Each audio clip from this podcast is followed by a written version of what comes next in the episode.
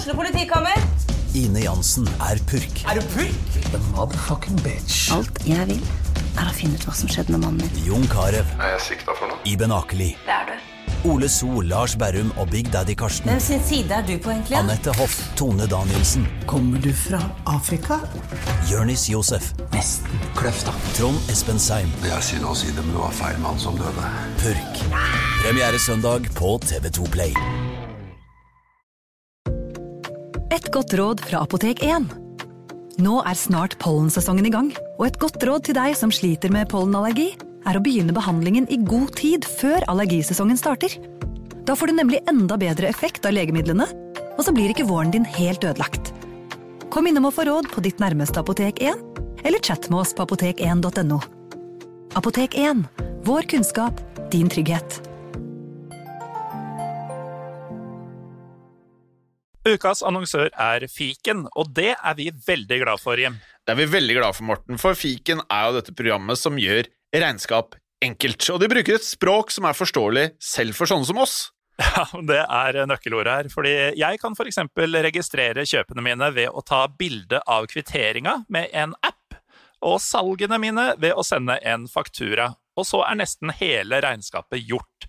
Når f.eks. skattemeldinga skal leveres, så er tallene automatisk fylt inn, og så blir jeg guida gjennom det hvis det er noe spesielt jeg må ta stilling til i mitt regnskap. Altså, det er så enkelt. Ja, og for oss som eh, kjenner deg, Morten, så er du jo ikke akkurat kjent for å være noen økonom, akkurat. Så eh, det her høres ut som noe som er midt i blinken for deg. altså, det har du helt rett i, Jim. For det første så liker jeg helst å bruke tida mi på annet enn regnskap, men med fiken så, så, kan jeg faktisk det også, med god samvittighet, for jeg vet at jeg blir tatt hånd om. Ja, og nå kan du som eh, hører på, også teste ut fiken helt gratis i 30 dager på fiken.no. Og hva pleier vi å si da, Jim?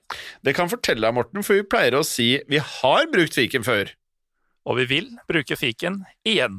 Og det gjør vi på fiken.no.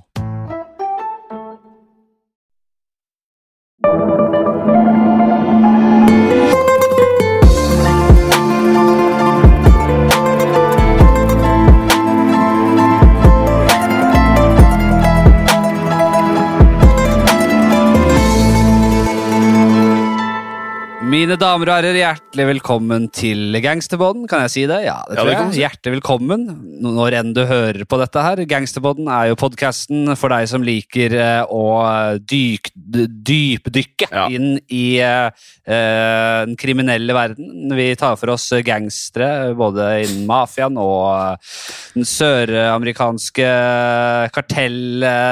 Det, det søramerikanske kartellkjøret, får man si. Eh, Dette var en litt mer løssluppen intro fra min side, men eh, jeg syns jeg kom meg greit igjennom, jeg, Jim Fosheim. Ja, du gjorde en fremragende jobb der igjen. Må man eh, være interessert i dypdykk for å høre på denne podkasten her, egentlig? Nei, det er, jeg tenkte på det når jeg sa det, at det er jo ikke alltid vi dyk, dykker så voldsomt dypt, men eh, Vi dykker i hvert fall er- noe.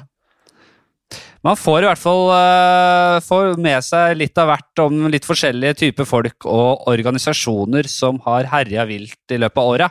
Ja, vi har prata mye om uh, den italienske mafiaen nå i det siste, Flatseth. Det har vi. Og nå beveger vi oss over til uh, noe som sikkert gir Narcos-fans, altså den serien eh, på Netflix som eh, både har kommet i nar vanlige Narcos og Narcos Mexico, så vil man nok eh, kjapt kjenne igjen en av karakterene fra den serien her.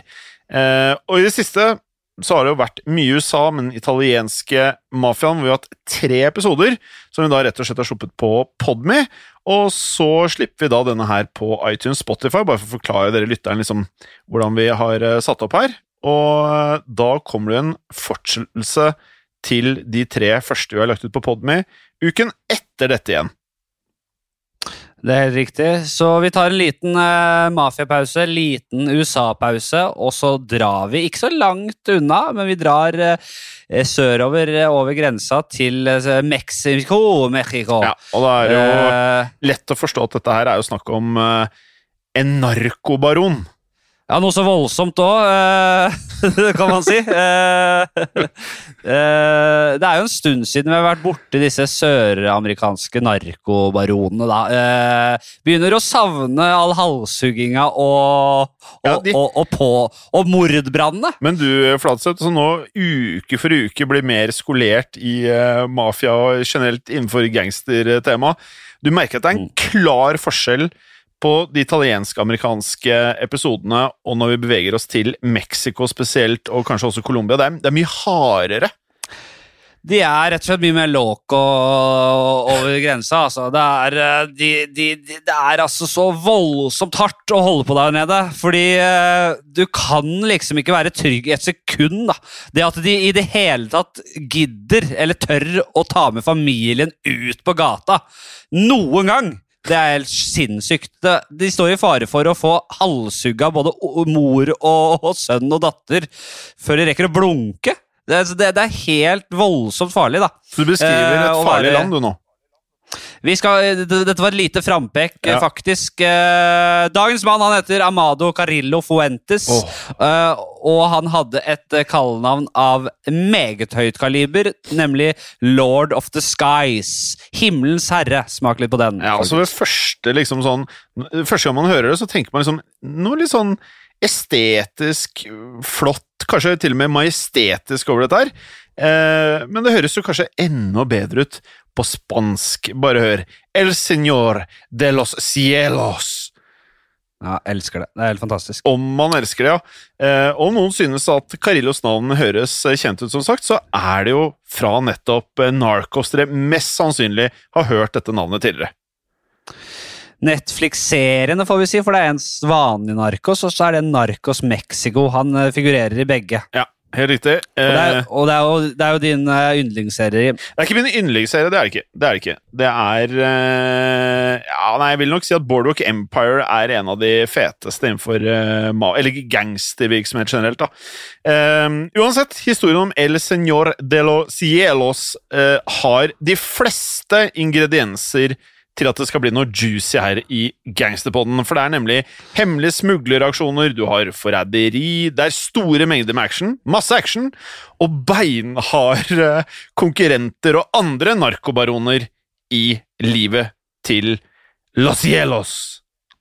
Vi har jo vært innom eh, eh, Griselda Blanco og El Chapo eh, tidligere i Gangsterpodden, eh, og disse narkokartellene. Amado Carillo eh, var ikke Han var mindre Han er mindre kjent for oss, men han var jo absolutt en av de store. En eh, knallhard type.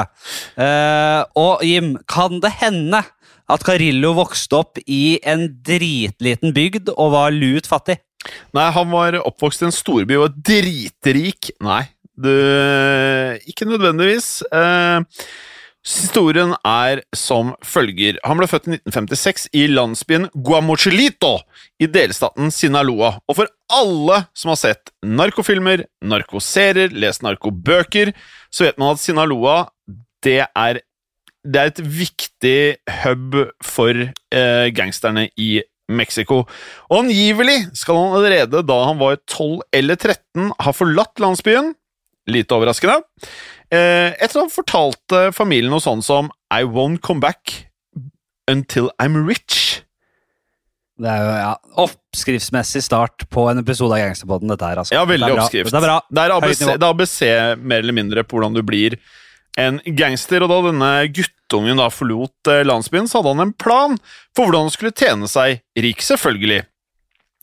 Og veien den gikk gjennom de berømte narkokartellene, som allerede var noe etablert på denne tiden, og eh, det han rett og slett gjorde, var å ta en liten snarvei inn i kartellenes verden, og da ved å flytte til sin onkel, som var Ernesto Fronseca Carillo. Ja, og denne onkelen var ikke hvem som helst. Han var en av lederne av et, eh, et helt svært eh, narkokartell kalt Guadalajara-kartellet. Guadalajara, hadde jeg sagt. Guadala, Guadalajara. Se med Narcos vet du. Ja, ja. Men det var ikke det verste jeg har hørt. Men uansett, nå ringer det nok, nok en bjelle. Fordi onkelen var mest, og kanskje best kjent under kallernavnet Don Neto.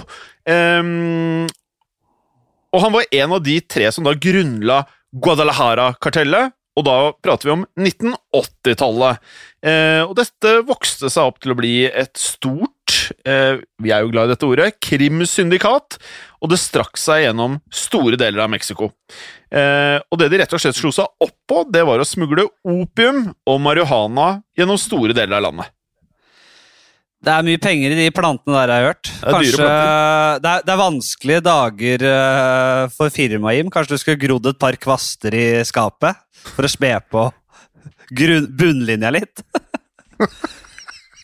Nei, jeg føler ikke jeg trenger det. Uh, uansett, etter hvert så kom eh, kartellet i kontakt med de colombianske krimsyndikatene, som da spesialiserte seg på kokain!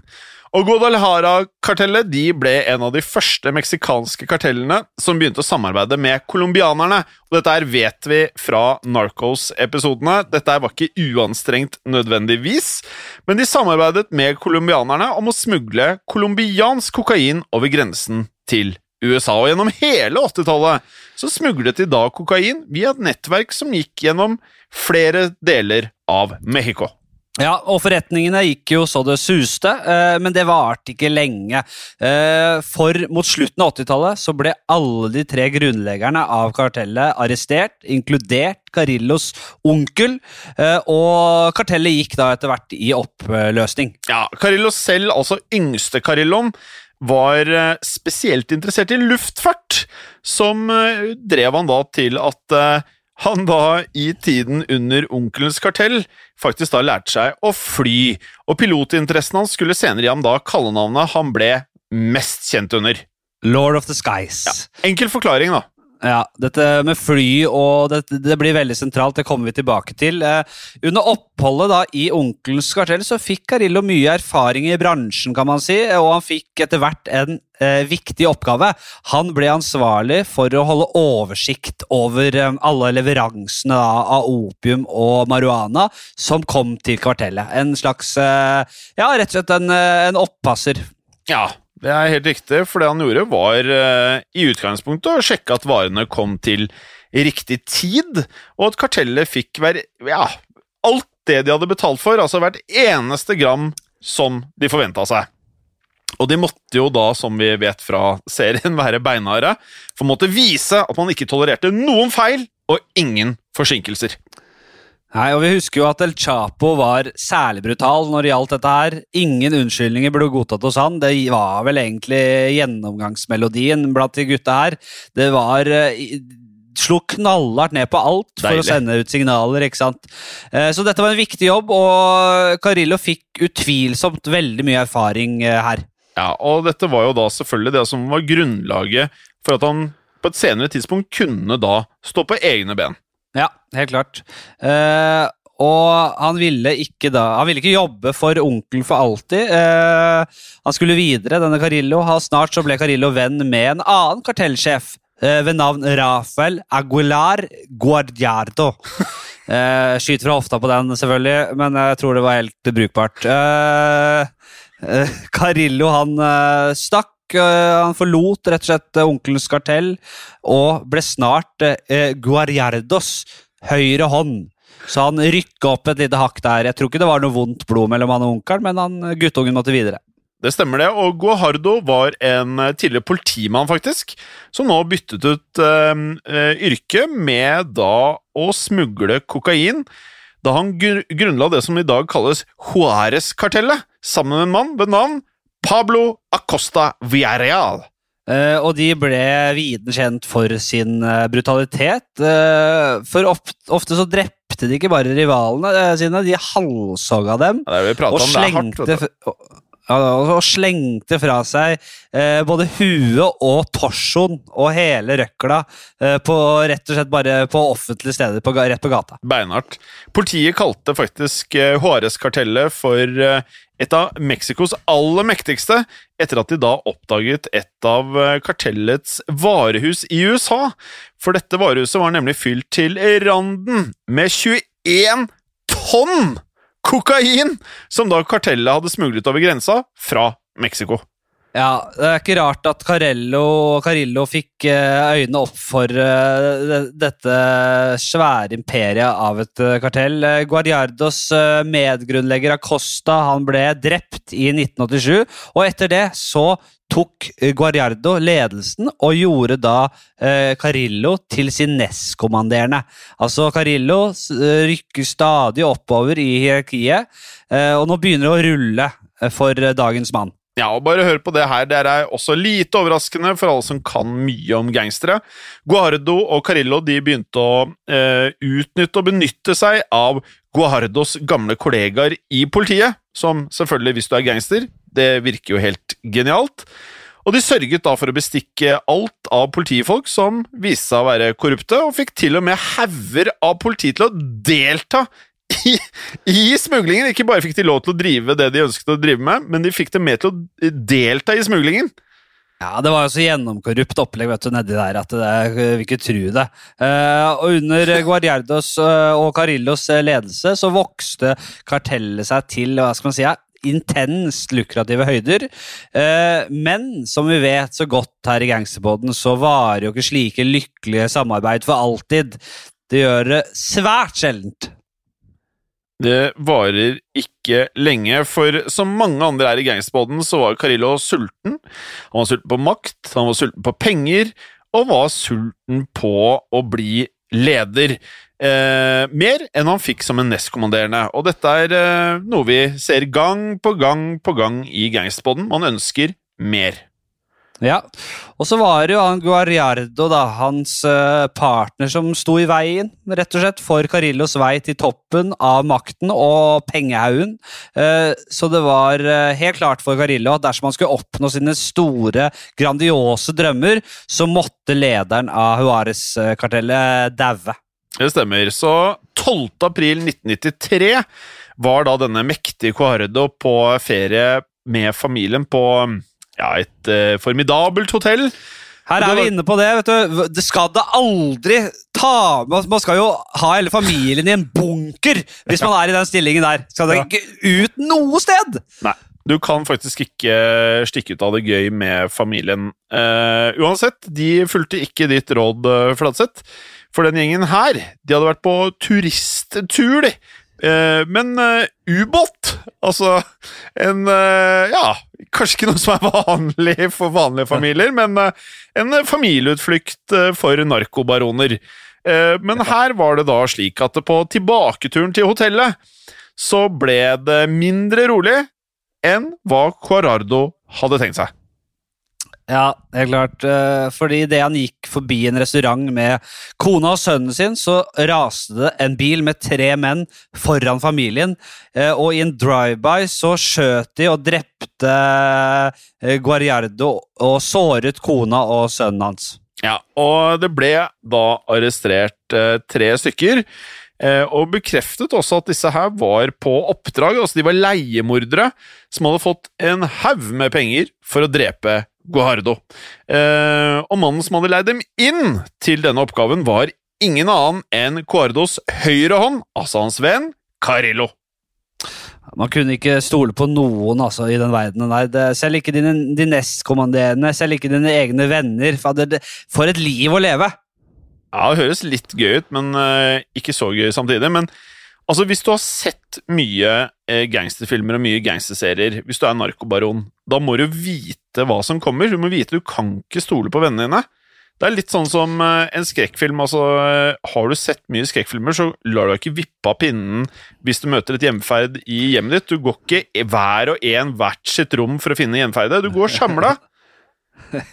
De må jo vite at dette her skal skje. Ja, men det er jo også samtidig sånn at uh, den sterkeste overlever. da, altså De som ikke klarer å passe godt nok på, de ryker rett og slett. Og uh, vår, vår mann i dag han var jo en av de aller smarteste. Og han holdt jo ut voldsomt lenge nettopp fordi at han var påpasselig, og han var uh, Ja, vi kommer til det, men en, en, en, en brobygger, en alliansebygger av rang. og Det er nettopp nettopp derfor han ble så svær. Eh, så eh, da hans eh, Da Carillos gamle sjef var død, så grep Carillo, kontrollen over hele Juarez-kartellet. I løpet av fire år så arbeid, arbeidet han knallhardt for å skaffe avtaler med, store, med andre store colombianske karteller. Og dette er jo det han hadde lært da, av onkelen sin som ung mann. Så han hadde plukka opp en del tips og triks, og nå satte han det ut i livet. Ja, så Det han egentlig gjorde, det er noe som er veldig vanlig i forretningsverden med store selskaper som kjøper opp andre selskaper. Så går de gjennom en sånn eh, due deal og ser eh, ok, dette er avtalene som eh, selskapet har, og så tenker du at ok, jeg kan gjøre en enda bedre jobb med dette selskapet. Så så kjøper du for kroner X, så tror jeg kan øke verdiene til kroner Y. Så det man i utgangspunktet da gjør, man ser på avtalene, her kan jeg uppe det enda mer, og gjøre selskapet mer profitabelt. Nettopp det som skjedde her. Carillo han eh, kastet ikke bort eh, pengene på verken fest eller luksus, men brukte pengene svært strategisk og nøysomt. Noe vi vet at veldig få gangstere faktisk gjør. Men i hvert fall så mm, gikk mange av pengene hans som han tjente, og alt dette han klarte nå å bygge opp, det gikk videre til å bygge organisasjonen enda større, og til å bestikke og samarbeide enda flere i politiet. Og også da gå så langt til, som til å bestikke meksikanske myndigheter. Ja, det var voldsomt mange som ble med på, på svineriet her. da, da begynner det å bli nesten mektigere enn landet, på en måte. Ja, det var jo nærmest eh, Altså, myndighetene og staten, som jeg har vært inne på før, var jo minst like Var jo enda bare en kriminell organisasjon, nærmest, virker det som, da. Det var jo det, det, det var ikke som vi har Det er ikke som vi har det her i Norge, for å si Det det sånn. ikke, det er ikke bedre i Mexico i dag, føles det som. Nei, jeg vet ikke helt, ja, men eh, det, kan, det må ha vært ekstra ille på denne tida her. Det Jeg vet ikke, jeg tror det er verre nå. eh, Uansett, Juárez-kartellets ja. makt bare vokste og vokste, og eh, de utnyttet alle muligheter nå til å påvirke korrupte offentlige myndigheter. Et par eksperter har uttalt at Carillo hadde noen av Mexicos aller eh, største toppsjefer og politikere i lomma. Ja, men det han gjorde var ikke kun å bruke disse kontaktene til sin egen fordel. Han passet faktisk på at eh, alle han jobbet med, at de faktisk skulle sitte med noe selv også. At han skulle gi politikerne og politiet noe tilbake. Så han bestakk dem grundig for å gjøre store etterforskninger mot eh, Mexicos narkokarteller. Vil si, han fikk dem til å gå etter sine egne konkurrenter, som er genialt. Ja, det er det. Eh, For de skulle da late som de ikke la merke til Juárez-kartellet, men slå hardt ned på andre karteller. Eh, Rett og slett da konkurrentene til Carillo. Det er jo enkelt, men genialt det her. Og Ja. det å sette det ut i live og gjennomføre det, det er jo krever hos en mann, selvfølgelig. Ja, Nå er det mange andre som har benyttet seg av eh, denne taktikken, men her er det veldig tydelig. Eh, Men i hvert fall så betød jo dette at eh, politikerne og politiet kunne fortelle offentligheten at de hadde gjort sin plikt, og slått ned på flere av landets største narkokartell. Eh, Og med det så kunne de også vise til at de var både effektive, og at de hadde en sånn nulltoleranse for kriminaliteten som da på dette tidspunktet var i ferd med å blomstre opp i Mexico. Ja. Nei, det er ikke noe å lure på det. Og politiet da, sammen med politikerne, fikk selv eh, følelsen at de eh, gjorde det de skulle. De så bra ut i offentligheten, og samtidig så tjente de seg jo søkkrike, de også. Carillo han eh, kvittet seg med konkurrenter, og det uten å bruke sine egne menn eller ressurser. Altså, penger er jo en ressurs, men det var mer en investering her. Så en eh, situasjon hvor, eh, hvis man ikke er opptatt av om man gjør ting lovlydig eller ikke, så er det en vinn-vinn-situasjon for politikerne, politiet og også narkokartellet. Det blir antatt at Carillo i løpet av karrieren betalte mellom 500 og 800 millioner dollar i året bare på bestikkelser. Hør på det, ja. Altså, det, minst 4 milliarder norske kroner, og så på det meste nesten 7 milliarder kroner i året bare på bestikkelser. Ja, det er helt ekstremt, dette her. Altså, jeg, ble helt sjokkert når jeg leste det, faktisk. Eh, så da han først overtok Juárez-kartellet etter og da han myrdet, som vi nevnte, Cuardo, så var det én ting han gjorde som sendte han langt foran konkurrentene, og så sørget for at pengene til å bestikke politikerne bare raste inn. Akkurat som scenen i eh, Scarface, hvor de må i banken og levere bare svære sekker med dollars. Ja, for nå begynner det å bli svært, og vi nevnte jo i starten at eh, Carillo var veldig fascinert av eh, fly og luftfart, eh, og da han endelig hadde satt på toppen av sitt eget kartell, så kunne han jo bruke flyinteressen sin til å innovere narkotikasmuglingen. Det er så riktig, det, fordi når han tok over kontrollen over Juárez-kartellet, så kjøpte han seg sin egen luftflåte.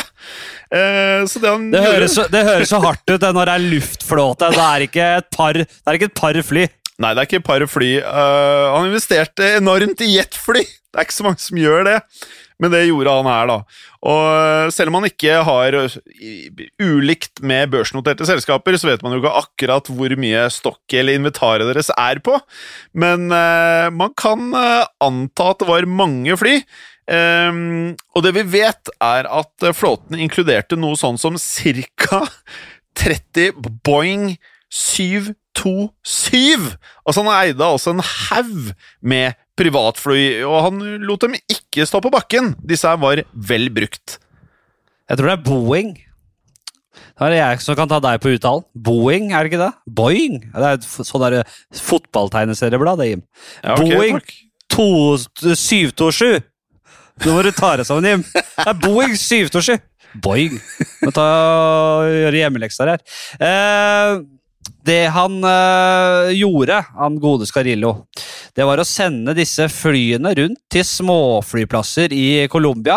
Eh, der fikk han selvfølgelig fullstappa dem med tonnevis av kokain. Og deretter ble flyene sendt tilbake til Mexico, og kokainen ble smuglet videre derfra. Ja, altså en uh, Boeing, er det riktig? Boeing. Boeing. Boeing 727 Boeing. En Boeing kunne da romme opptil 15 tonn med kokain, og som vi da eh, hørte om, så var dette lageret fylt med 21 tonn. Så tenk dere hvor mye det er plass til i en sånn en. Eh, det Carillo sørget for, var at eh, flyene nesten non stop var i lufta mellom Mexico og Colombia, fullasta med kokain. Ja, og Carillo var jo Vi har vært innom sånne flyoperasjoner, i hvert fall én flyoperasjon eh, tidligere her i Gangsterpodden. Eh, men det sies at Carillo var blant de aller første da, som brukte privatfly eh, til å smugle dop. Og hans utallige smugleroperasjoner i lufta ga han da som sagt, som vi har vært inne på, et, altså kallenavnet Lord of the Skies, El Senor de los Cielsos. Ja, veldig bra uh, uttalelse der, Fladseth.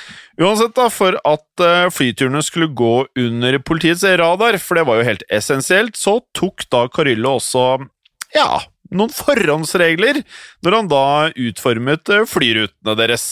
Og dette innebar mer enn kun bestikkelser, som vi har hørt om så langt. Ja. Han la opp flyrutene slik at eh, flyene fløy eh, til og fra små hemmelige flystriper rundt omkring i Mexico og Colombia. I tillegg skulle flyene fly veldig lavt, så de ikke ble oppdaget av myndighetene. Alt var eh, planlagt og tilrettelagt her, da, som Ja. eh, Egon Olsen ville sagt det. Ja, og dette her er jo da noe vi har sett i mange narkofilmer, at alle som smugler narko, de flyr liksom, i hvert fall på film, flyene nesten ned mot eh, vannoverflaten, altså.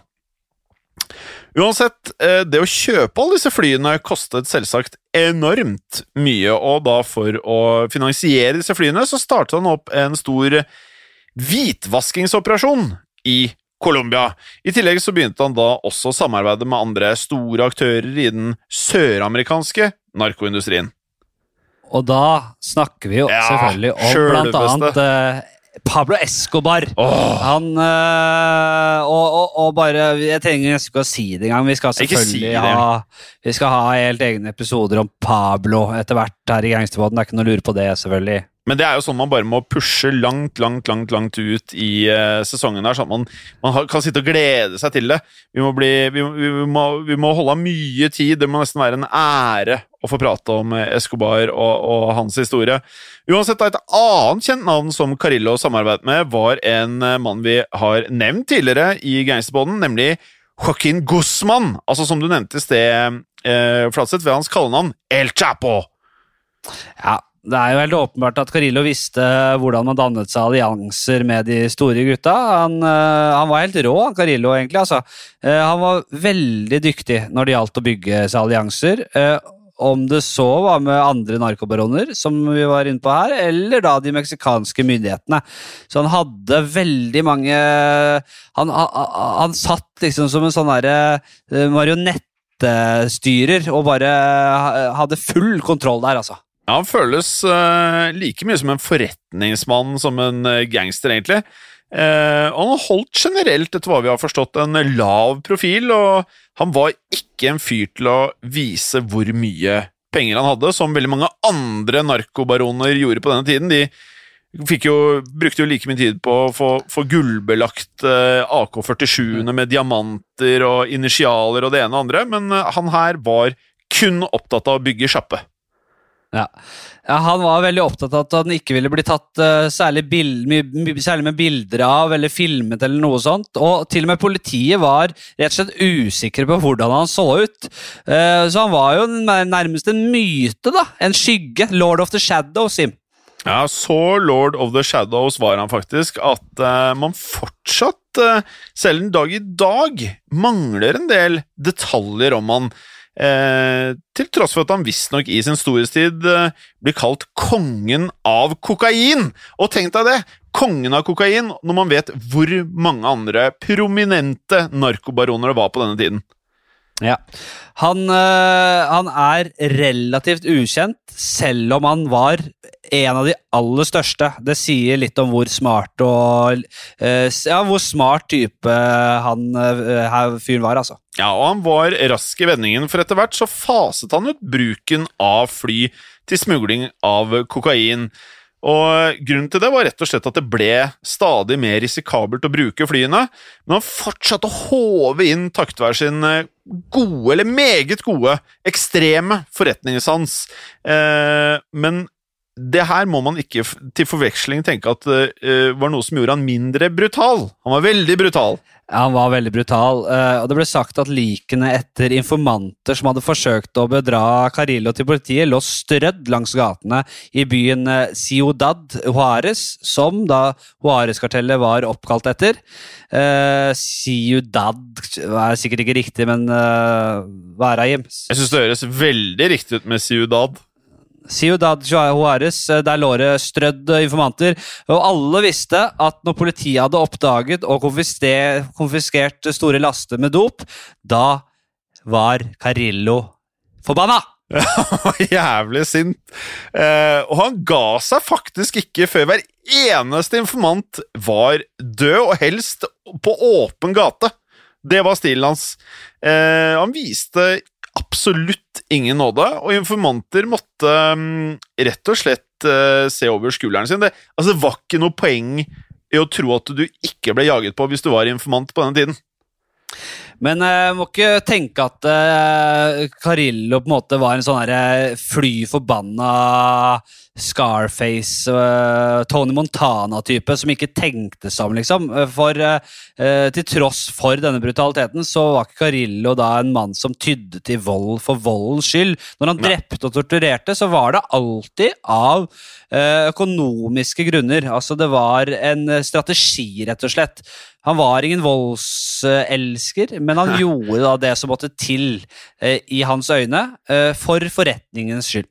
Ja, vi vet at dette er faktisk, eh, selv om det høres ut som alle disse her ved første øyekast er ganske like, at alle setter pris på vold, så er det faktisk store ulikheter på eh, nettopp dette. Eh, men han føles jo ikke helt ulik eksempelvis Lucky Luciano, som vi har snakket om tidligere. Eh, forretninger sto sentralt i måten de begge opererte på, og vold var rett og slett et virkemiddel. Eh, men det var et nyttig virkemiddel, og det var helt nødvendig for at forretningene skulle gå smooth. Vold da for å sende ut signaler om at eh, de ikke kan kødde så mye som litt med de gutta. Med en gang så smalt det. Eh, Carillos store styrke var som sagt eh, hans evne til å danne allianser og skaffe seg kontakter. En ekspertuttalelse hevder at dette var helt, en helt nødvendig evne han måtte ha for å skape så stort imperie som han gjorde. Ja, og bare hør på følgende som skal være en quote eh, om Carillo. One man cannot effectively control drug trafficking in Mexico. There's too many people. You have to form relationships. Altså, han hadde åpenbart en god nese for forretninger, og han var god til å skape relasjoner, og det blir antatt at han i 1997 var verdt, og der kan det være greit å bare holde seg fast her, 25, ikke millioner, milliarder, ikke kroner, men dollar! Altså 25 milliarder dollar! Ja, det er over 200 milliarder kroner. Det overrasker meg ikke. Han liksom, han betalte jo rundt øh, fem, og seks, sju, åtte milliarder i bestikkelse bare hvert år. Så at mannen hadde mye penger, det har vi skjønt øh, lenge. Eh, og han slapp jo i stor grad unna også. Eh, han ble kun arrestert én eneste gang i løpet av sitt liv, nemlig i juli 1989. Altså før han tok over Juarez-kartellet. Før han ble boss, så var det den eneste gangen han ble arrestert. Da siktet politiet han for å besitte og handle med både dop og våpen, og de satt han så i fengsel i påvente av rettssaken, Jim. Ja, og som vi vet, det å sitte og vente på en rettssak i mafiaverden eller gangsterverden er litt annerledes enn for veldig mange andre. Eh, For etter å ha sittet og ventet på en rettssak i om lag eh, ni måneder, så ble Carillo plutselig løslatt. Han ble bare sluppet ut, helt i det stille og det rolige, og han kunne gå helt fritt. Ingen rettssak, ingen stor sak, selvfølgelig, og plutselig så gjorde han akkurat som han ville. Ja, og da skjønner jo både du og jeg, Jim, og alle som hører på, at det her har jo rett og slett vært bestikkelser involvert. Det er jo helt eh, utvilsomt, det. Eh, Det er, eh, det er såpass enkelt som det at her, her var det bare og Hadde du nok penger og makt, så slapp du rett og slett unna, altså. Og, Og Carillo var for Carillo var for dypt inn. Han var for boss. Han var for, for boss til å sitte noe som helst i han. Men, men, men eh, ikke nok med at han ble sluppet ut, han ble rett og slett eh, ikke forstyrret noe mer han, eh, rett etter han ble sluppet ut. Nei, altså, de gutta der altså det her eh, det, det, Vi husker jo Mange kjenner jo litt til Escobar, og han eh, ble jo tatt til slutt. Men han satt jo ikke i et vanlig fengsel, han fikk jo laga seg et spesialfengsel. Et harem, der han pulte hvert Han fikk jo pult hvert minutt og, så, og ble ma mata med druer inni det fengselet, han. Jo, det var hans hus, var fengselet. Dette kommer vi jo tilbake til. Et unntak til eh, hans noe beskjedne måte å vise penger, eller verken å feste eller gjøre noe stort eh, ut av seg, det var når han returnerte til landsbyen som han vokste opp i. For eh, da Carillo returnerte til hjemlandsbyen, da stelte han i stand enorme fester, og han inkluderte så mange som mulig. Og ved én anledning så skal han ha bestilt flere kuer, som han da beordret at skulle bli grillet, marinert og skulle deles med alle i landsbyen. Ikke ulikt det vi har sett andre gangstere gjøre når de vender tilbake til der de vokste opp. Man deler med de andre rundt seg. Ja, så skal vi ikke glemme at han, han, han forlot jo den landsbyen som liten gutt ved å si at jeg skal ikke komme tilbake her før jeg er styrtrik. Ja, Så han han har noe å bevise der også. Han hentet også inn sine favoritt-mariachi-band til å spille musikk hele natta, og han delte ut kostbare gaver til alle. Eh, en fra landsbyen som ofte deltok på disse festene, han sa senere i et intervju at eh, dette var de største festene du kunne forestille. Eh, og da smelte Carillo virkelig til, han, og hans eh, heftige, vanvittige fester skal iblant ha vart i eh, flere dager, altså uten pauser. Altså, man eh, la seg ikke nødvendigvis, man bare festa i vei. Ja, Han var virkelig i det gavmilde hjørnet når han kom hjem, og på et av besøkene skal også en prest ha bedt han om å hjelpe landsbyen til å bygge et lite kapell. Ja, men Carillo han gjorde mye mer enn det, Flatseth. Han betalte for eh, eh, å reise opp en ny, høy, moderne, gul kirke i landsbyen. Og dette er jo noe vi også kjenner igjen fra andre eh, gangstere. Eh, at de da donerer penger til prosjekter i landsbyene og områdene, og er med å bygge opp områdene, da. Og mange likte jo, lite overraskende, Carillos donasjoner, men andre likte det særs dårlig. Mm. For Carillos landsby lå i et område eh, som du var inne på i starten, Jim, der det krydde av narkosmuglere. Eh, virkelig narkoåret i Sør-Amerika. Eh, I intervjuer så har noen landsbyboere sagt at eh, de ikke blir så rike som folk tror, bare fordi de var i en landsby i et område med mange narkosmuglere, som Carillo. Ja, for donasjonene fra disse mesterne her i, i, smugling, de hjalp ikke nødvendigvis eh, landsbyboerne som eh, bodde med familie, og som da hadde trange kår. Ofte så bodde de jo på et eneste rom.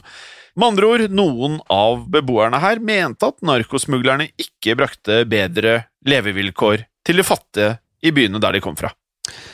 Det var bare overfladisk eh, hjelp, rett og slett, eh, og derfor ikke så positivt som mange folk tror, mente de beboerne. Eh, de fikk en kjempemoderne, gul, flott kirke, men det hjalp jo ikke mannen og kvinnen i gata ut av elendigheten. Ja, og dette her er noe vi egentlig ikke har tenkt så mye på i foregående episoder når vi har pratet om det samme, men det setter jo hele noe i perspektiv, kanskje. Så um, uansett så var Carillo mest opptatt av å arrangere de villeste festene når han var i byene. Det, det, det var det viktige for han her, da. Å vise seg frem. Uh, yes, Men utenom uh, denne festingen på gamle trakter, så holdt Carillo hodet lavt. Han var uh, forresten ikke bare sjenerøs mot landsbyen sin, men han sørget også for å belønne arbeiderne sine ri eh, rikelig. De fikk høye julebonuser, og det var ikke uvanlig at bonusen kom med en eh, flaske svindyr whisky. Ja, men uansett om han var sjenerøs med, med sine egne menn, så hadde colombianerne en langt, langt annen oppfatning av Carillo. For Carillo var nemlig ofte forsinket når det gjaldt å betale for disse enorme lastene med kokain som kom fra Colombia. Ja, dette her var litt sånn rart å, å, å høre om, fordi han virka så utrolig punktlig og profesjonell i alle ledd. Men, eh, og det er litt merkelig at han ofte risikerte eh, misfornøyde allierte ved å betale såpass sent. Da. Eh, vi vet jo at han satte forretningsallianser foran vold. Eh, men han var altså en notorisk forsinket betaler, denne Carillo. Ja, I et annet tilfelle kunne jo dette ha betydd et uh, mulig brudd da, mellom Carillo og colombianerne, som kanskje kunne ført til en enorm konflikt av masse vold. Men det var ikke dette som uh, endte med å felle Carillo. Vi vet jo at de fleste blir jo felt før eller siden. Nei, det var ikke det som felte han. Uh, uansett hvor mye Carillo holdt seg i skyggene, så havnet han likevel midt i landets uh, søkelys i uh, vi skriver 1996. Da ble nemlig narkobaronen Juan Garcia Abrego arrestert og sendt til en domstol i USA.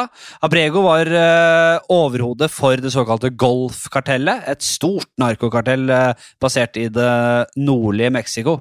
Det stemmer det, og Abrego var eh, da visstnok den første kartellsjefen som da havnet på denne listen over FBIs top 10 most wanted. Eh, så vi snakker da altså om en eh, på denne tiden mektig person innenfor narkosmugling til USA. Yes, og Da Brego ble arrestert, så forsvant altså USAs mest, mest ettersøkte meksikanske mann. Og da ble det jo mye blest og snakk rundt hvem som skulle ta plassen som den nye meksikaneren FBI eh, ville slå kloa i. Det var jo mye prestisje, dette her, ikke sant?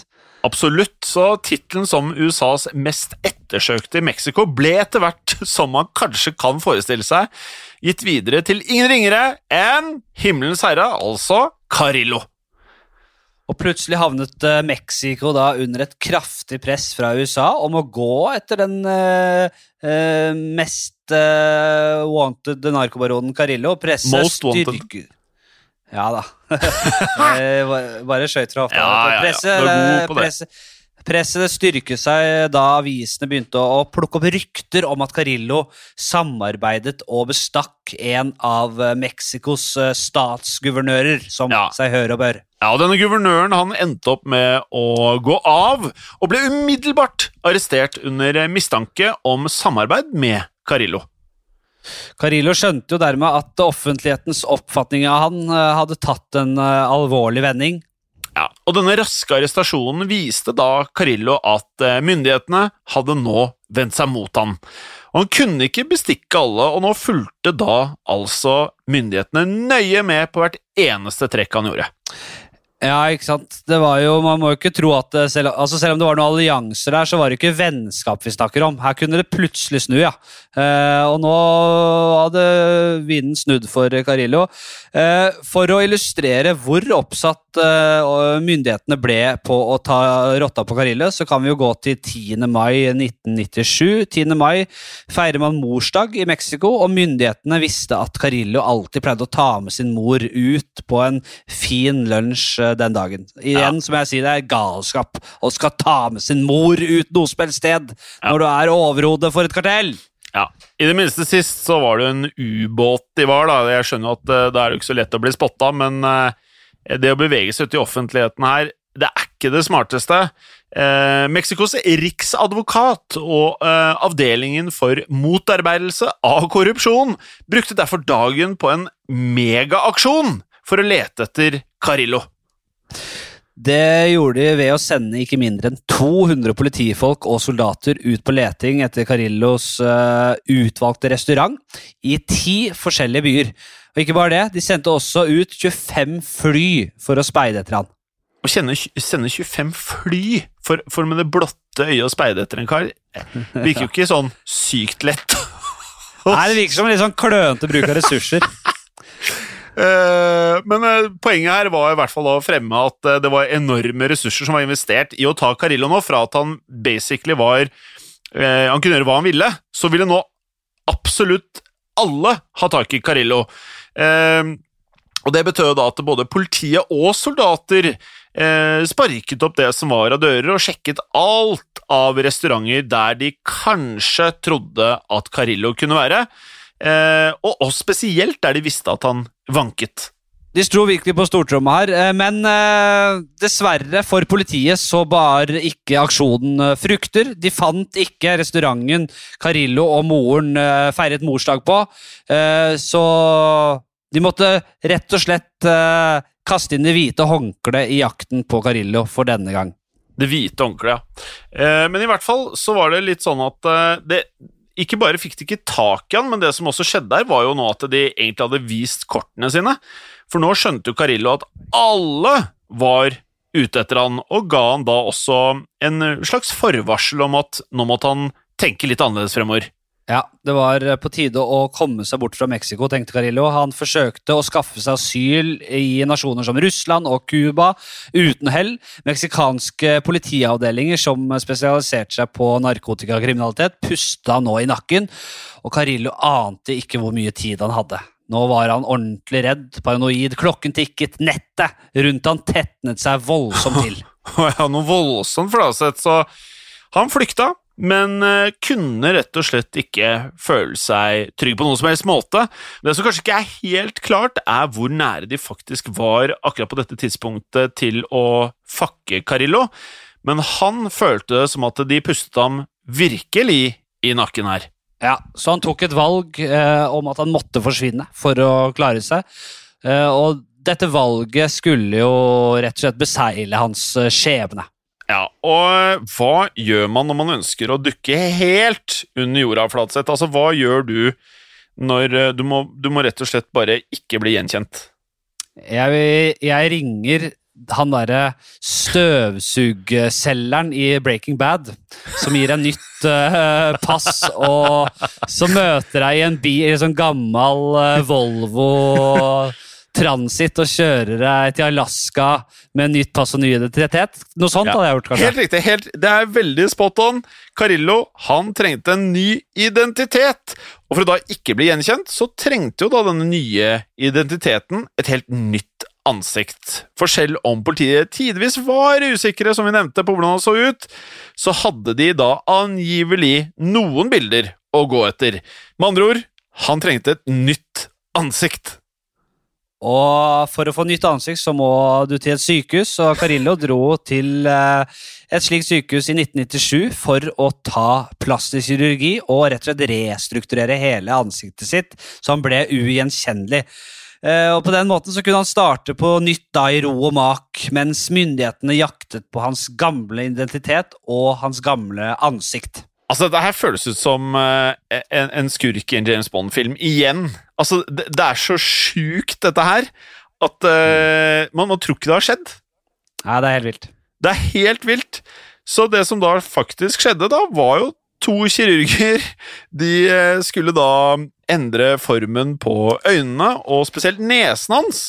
Og de skulle også, etter hva jeg har forstått, da brekke kjevebenet og sette inn en protese. Som da ville endre formen på kjeven hans. Det høres i hvert fall som det hadde gjort jobben. I tillegg skulle da fettsuge eh, deler av brystene hans, og også store deler av magen. Og angivelig så forsvant det rett i underkant av 15 kilo med født fra kroppen til Carillo. Og i tillegg, når han først var i gang, så ba han kirurgene om å legge på 10 cm på penisen. Nei da. Det skjedde, det skjedde. Det skjedde ikke, men det, det hadde vært helt rått hvis han gjorde det, selvfølgelig.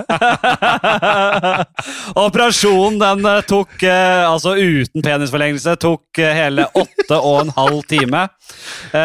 Og Carillo skulle ha gått der derfra som en ny mann, men men, folkens, i stedet så skulle operasjonen føre til et gigantisk mysterium. Ja, for eh, det som skjedde Nå har vi bygget opp det her voldsomt. Eh, men til alles sjakk så skulle aldri Carillo forlate dette sykehuset i live.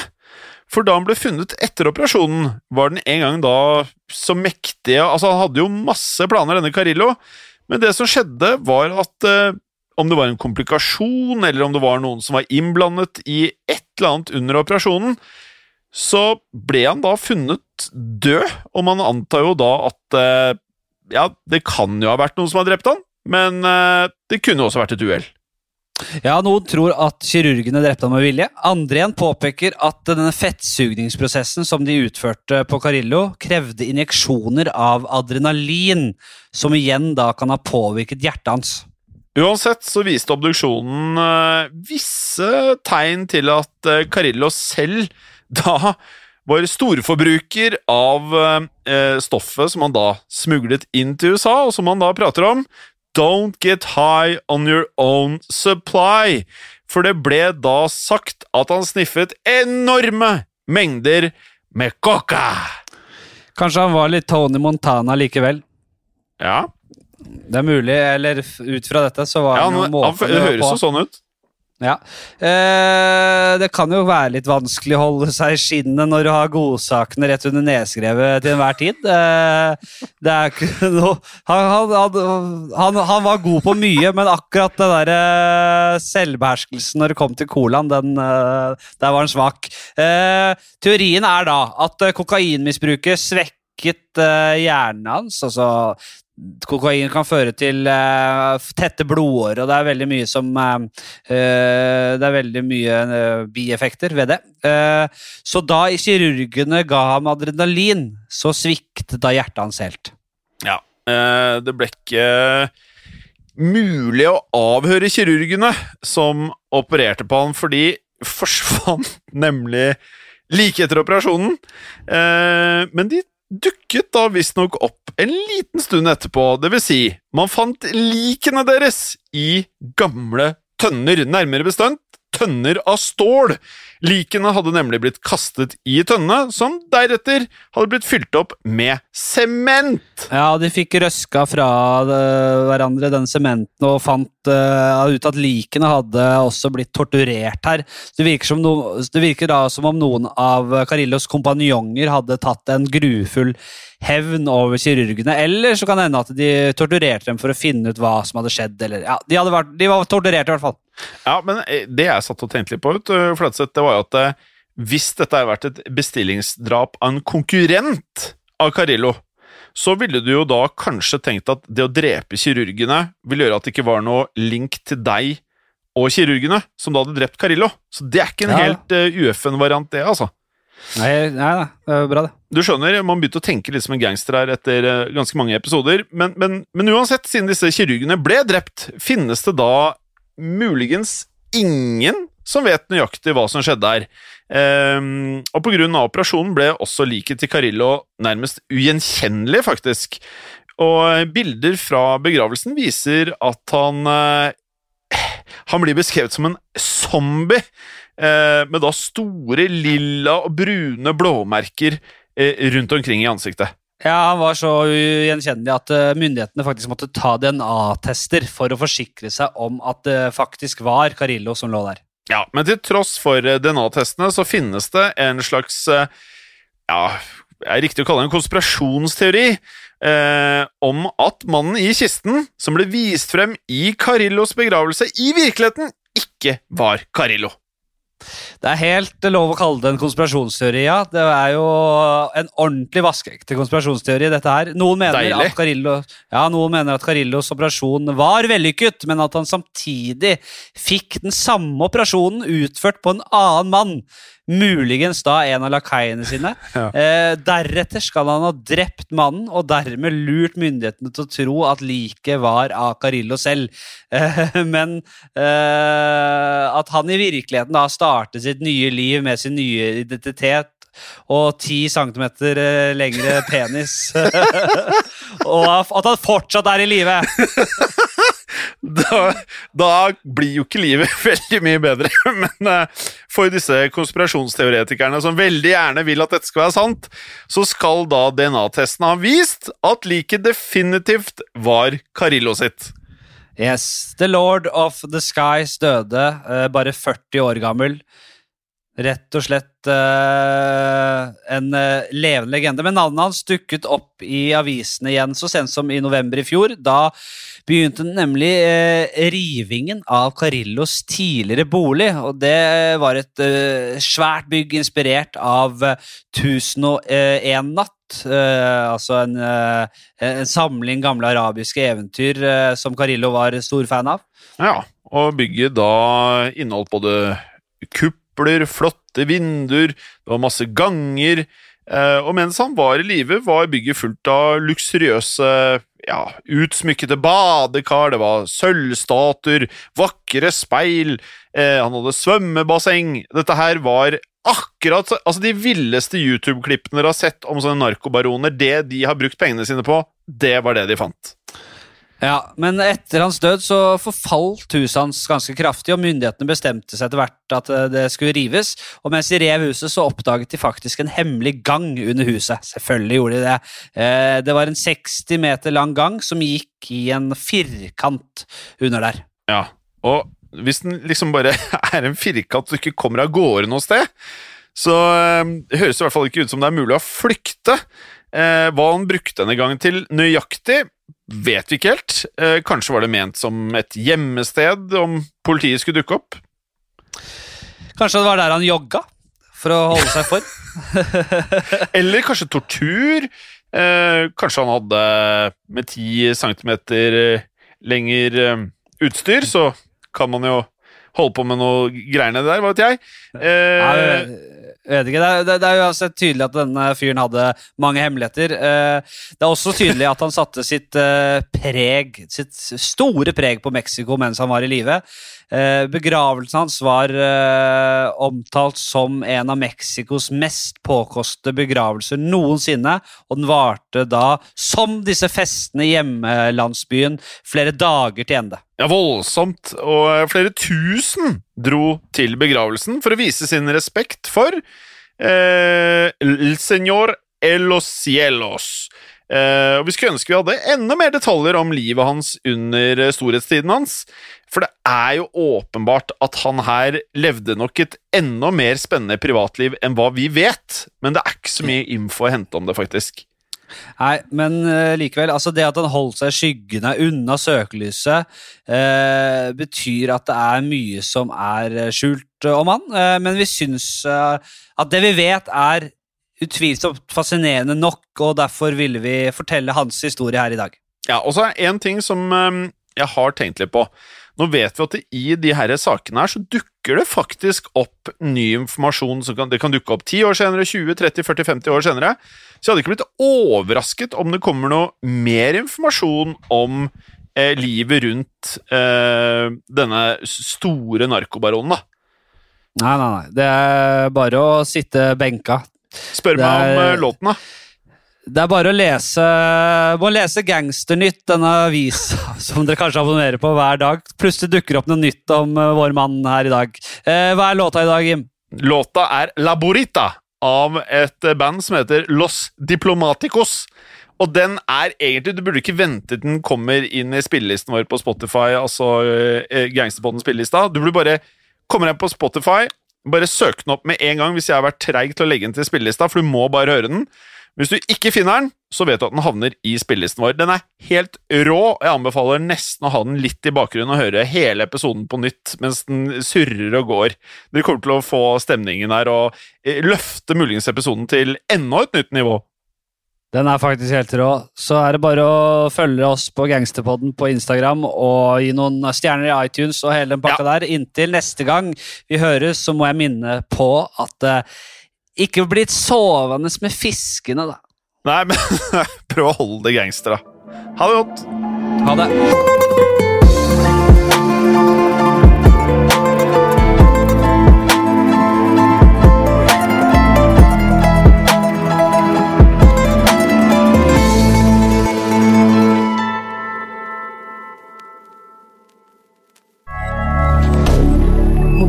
Media.